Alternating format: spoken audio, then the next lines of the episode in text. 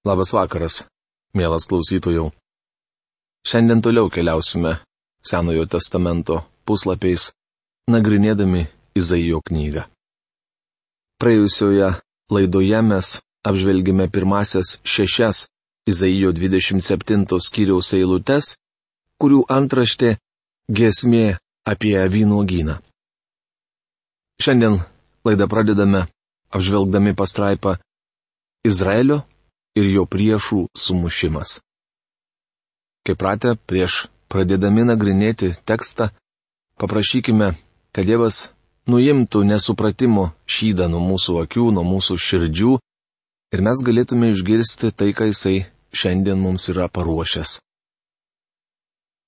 Tėve dėkojame už dar vieną dieną, kurią mums dovanojai, už gyvenimą, kurį gyvename ir už gyvenimą, amžinai, kurį dovanoji kiekvienai sielai, kuri padarė samoningą sprendimą savo gyvenime. Atsisuko į tave, nusigrėždama nuo nuodėmės. Ačiū tau už tavo žodį, kurį galėsim toliau šiandieną nagrinėti, ir mūsų žvilgsnis nukreiptas į tave, kad iš tavęs išeinanti išmintis galėtų padėti mums padaryti svarbius sprendimus gyvenime. Todėl prašom, palaimink šį laiką ir padėk mums suprasti tai, ką šiandien mums esi paruošęs. Jėzaus vardu. Amen. Ar jis buvo taip muštas, kai buvo muštas jo mušėjas? Ar jis patyrė tokias pat žudines, kaip jo žudytojai? Izaijo knygos 27 skyriaus 7 eilutė. Šioje eilutėje keliamas klausimas, į kurį Izaijo knygoje iš dalies jau buvo atsakyta. Čia pranašas klausia, kodėl Dievas teisia Izraelį griežčiau negu kitas tautas. Kadangi Izraeliui buvo duota daugiau šviesos, jo nuodėmė buvo juodesnė, o bausmė didesnė. Jiems kliuvo daugiau kirčių negu tiems, kurie juos mušė. Amoso knygos trečiaus skyriaus antroje eilutėje skaitome. Tik jūs pažinau iš visų žemės šeimų, todėl nubausiu jūs už visas jūsų kaltes. Izraelį ištiko sunki bausmė, tačiau Dievas nesunaikino jų, kaip kai kurias kitas tautas. 118 psalmės 18 eilutėje mums sakoma. Nors viešpats iš tikrųjų mane plakė, bet mirčiai manęs netidavė. Dievas neleis Izraeliui išnykti. Todėl šitai bus išpirkta Jokūbo kaltė ir toks bus brandus išvadavimo iš nuodėmės vaisius.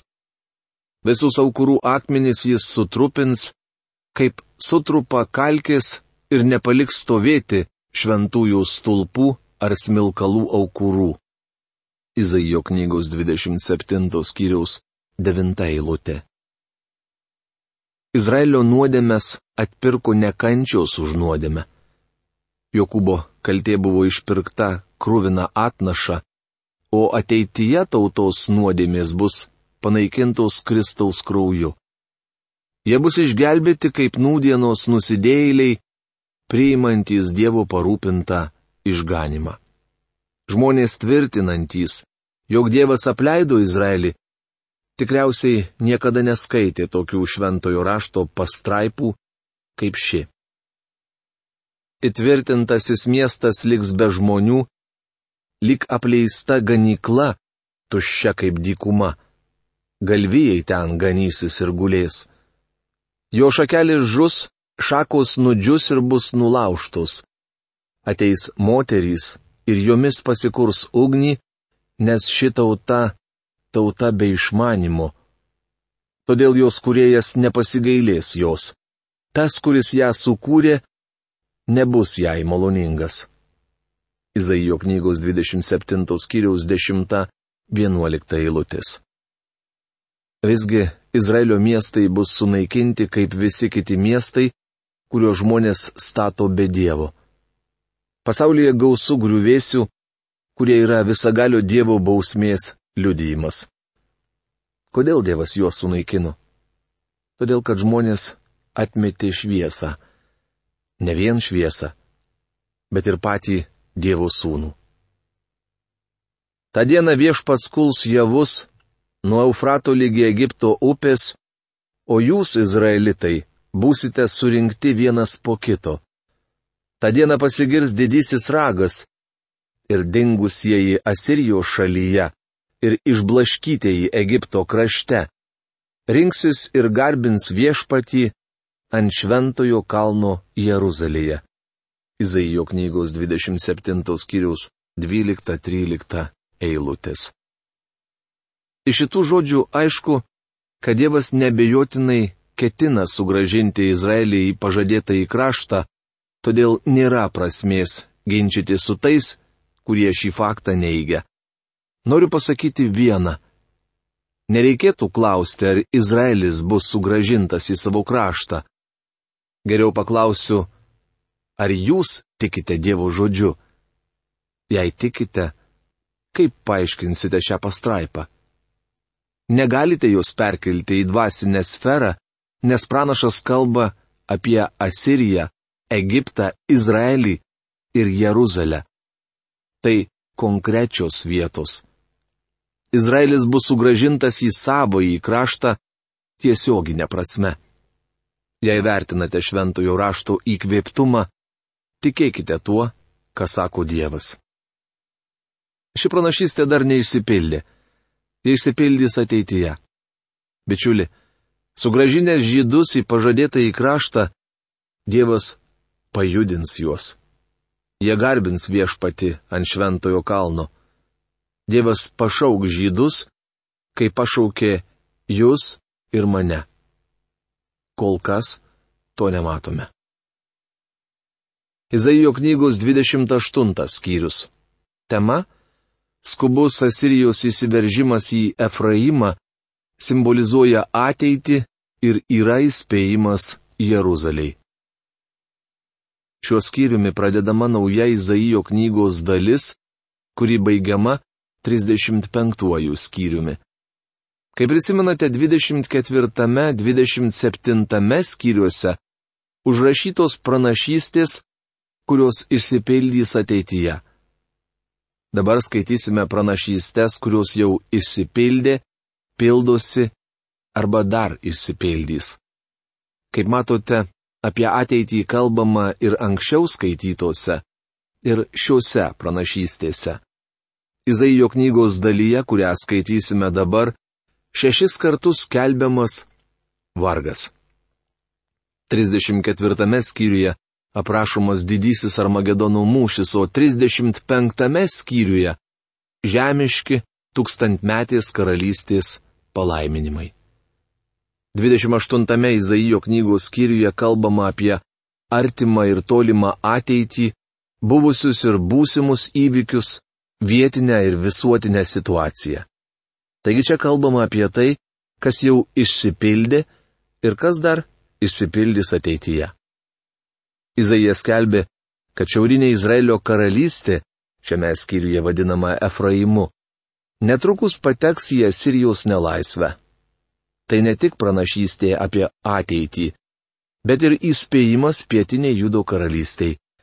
Pirmoji šios pranašystės dalis jau įsipildė.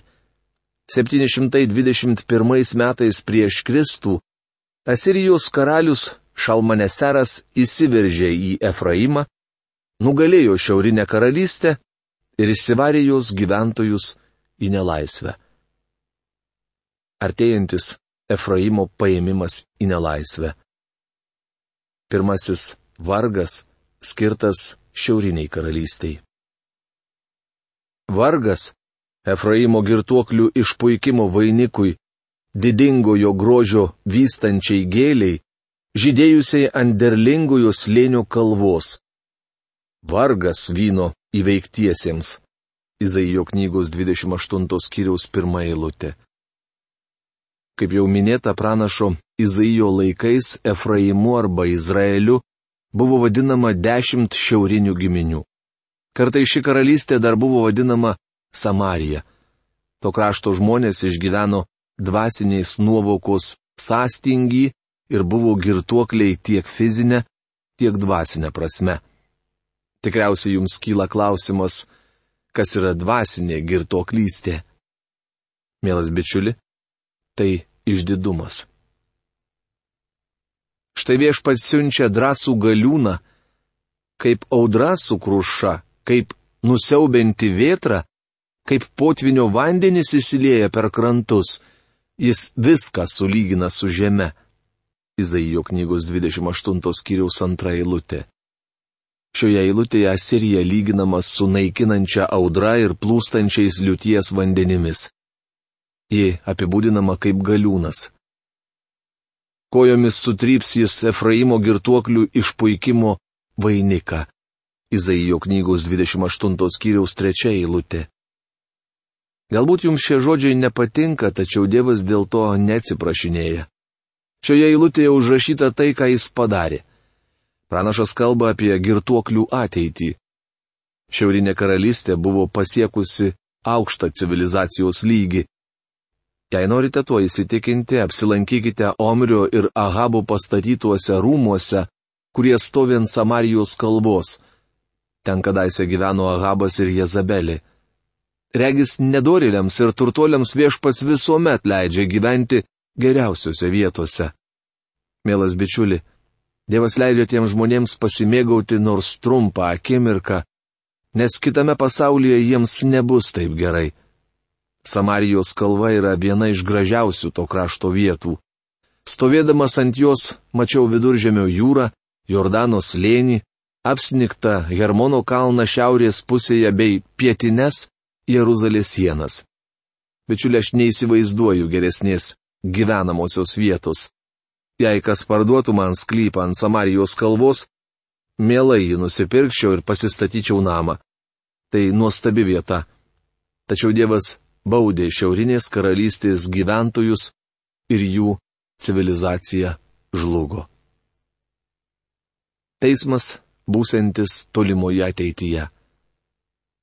Dabar pranašas prabyla apie tolimą ateitį. Žodžiai tą dieną reiškia viešpaties dieną, kuri prasidės didžiuoju suspaudimu ir tęsis tūkstantį karalystės metų. Ta diena galybių viešpats savo tautos likučiui bus šlovingas vainikas bei puikiai diadema. Izaijo knygos 28 skyriaus 5 eilutė. Čia kalbama apie būsimą tūkstantmetę karalystę, Šiaurinė karalystė sužlugdė jų išdidumas, kitaip tariant, jie nešiojo puikybės vainiką. Tačiau ateityje, kai Dievas sugražins savo tautą į pažadėtą į kraštą, izraelitai nešios šlovės vainiką. Ir teismo krėsle sėdinčiam duos teisingumo dvasios, o miesto vartus nuo priešų ginantiems narsumo. Bet ir ties virduliuoja perimti vyno, klupinėja įkaušę nuo svaigiojo gėrimo. Kunigas ir pranašas šlitinėja nuo stipraus gėrimo, gerai įkaušę nuo vyno. Šlitinėdami nuo stipraus gėrimo, jie klysta regėdami ir klumpa, spręsdami bylą. Izaijo knygos 28 skyriaus 6-7 eilutės. Vienas verslininkas pasakojo man apie didžiojo verslo subtilybės.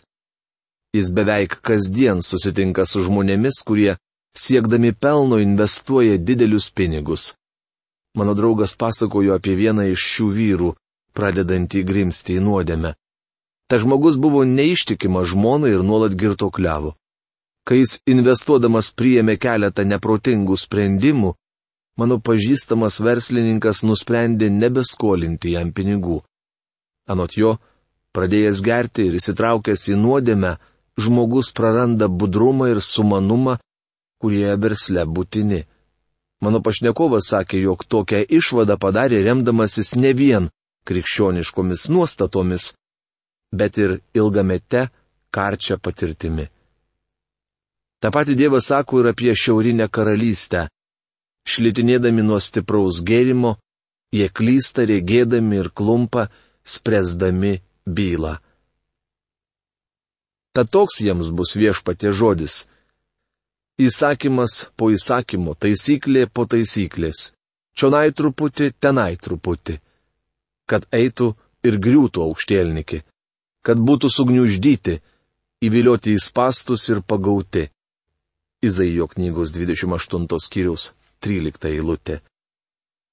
Dėl tokių pastraipų kai kurie Biblijos aiškintojai vadino Izaiją šio laikišku pranašu.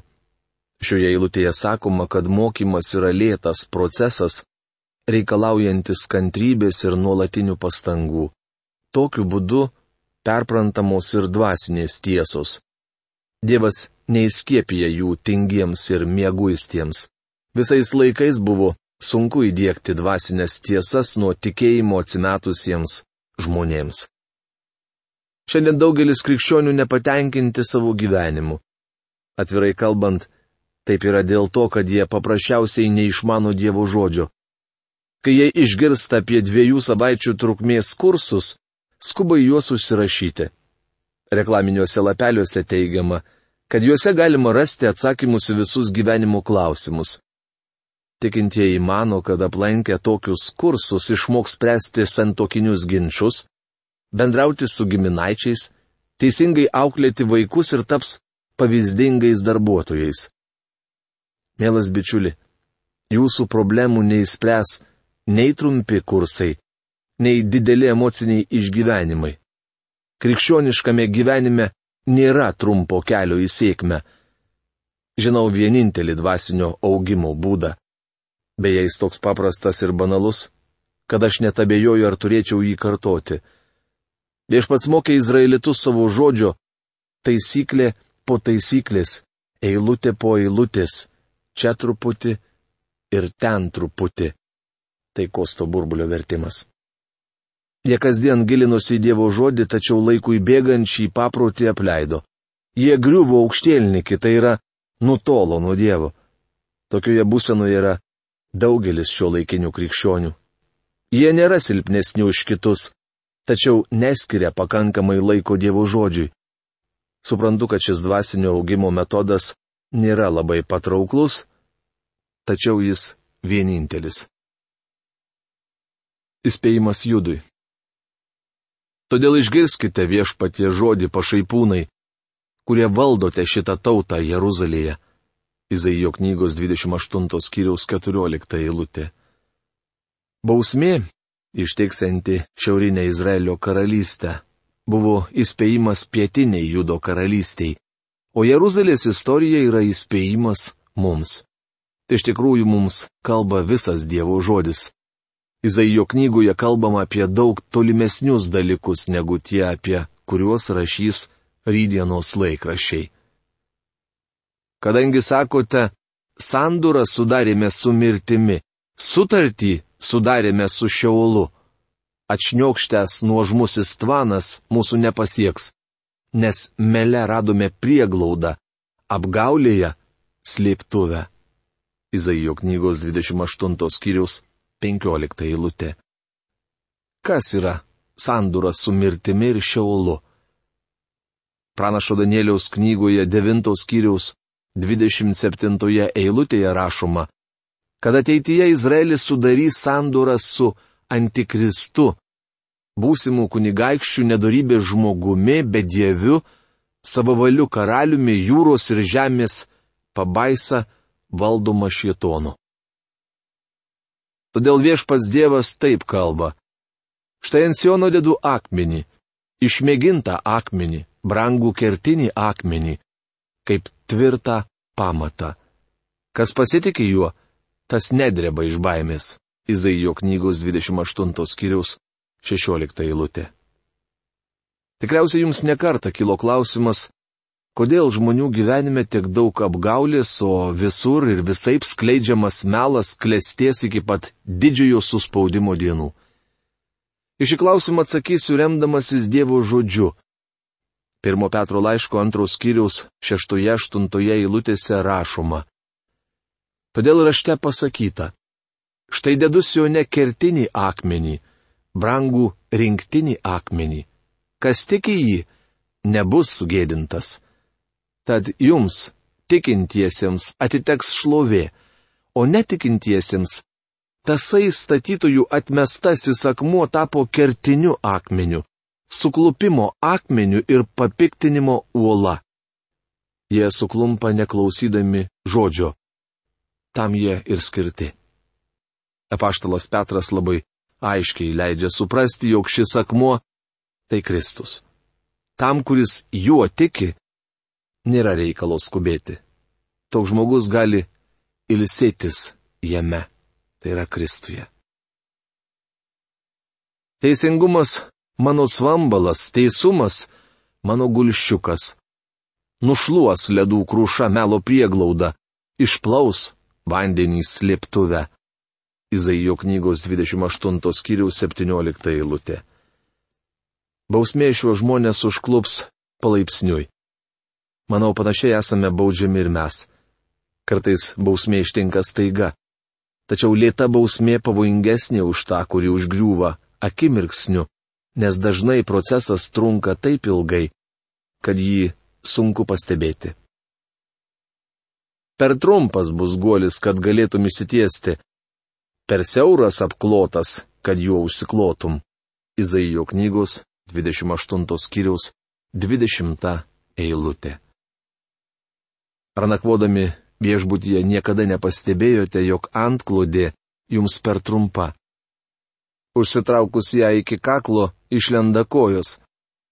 Ar jums nedeko mėgoti per trumpoje lovoje, kai kojos kabo ore arba galvą reikia dėti ant taburetės? Be abejo, dar galima susiriesti, tačiau tai nepatogu, ar ne? Dievas sakė Izraeliui, duosiu jums per trumpą lovą, o apklotas bus per siauras, kad juo užsiklotumėte. Taip prasidėjo Dievo bausmė. Jei neištiko judo dar maždaug šimtą metų, bet galiausiai atėjo. Kitoje mūsų laidoje pasižiūrėsime šios skyriaus paskutinę dalį, tai yra galutinė bausmė Dievo tautai. Šios dienos laidos laikas baigėsi. Iki greito sustikimų. Sudė.